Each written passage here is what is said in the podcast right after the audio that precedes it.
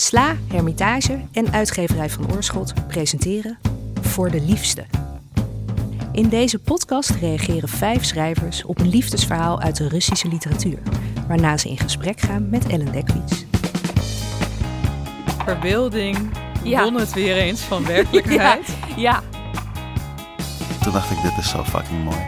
Sowieso een bende die ergens neerstrijkt en de orde verstoort. Weet je, ik ben 16, ik was dat ook aan het proberen.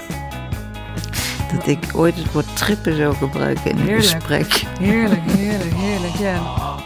Ik ging me een beetje hierin verdiepen en nu zijn we over politiek aan het praten in plaats van literatuur. Maar dat is het eigenlijk toch Ja, ook, hè? d- dat is Babel ook, ja. dat is natuurlijk heel knap als een schrijver dat weet te bewerkstelligen. Dat je wil ingrijpen in het verhaal. en Dat je weet, dit gaat onvermijdelijk verkeerd.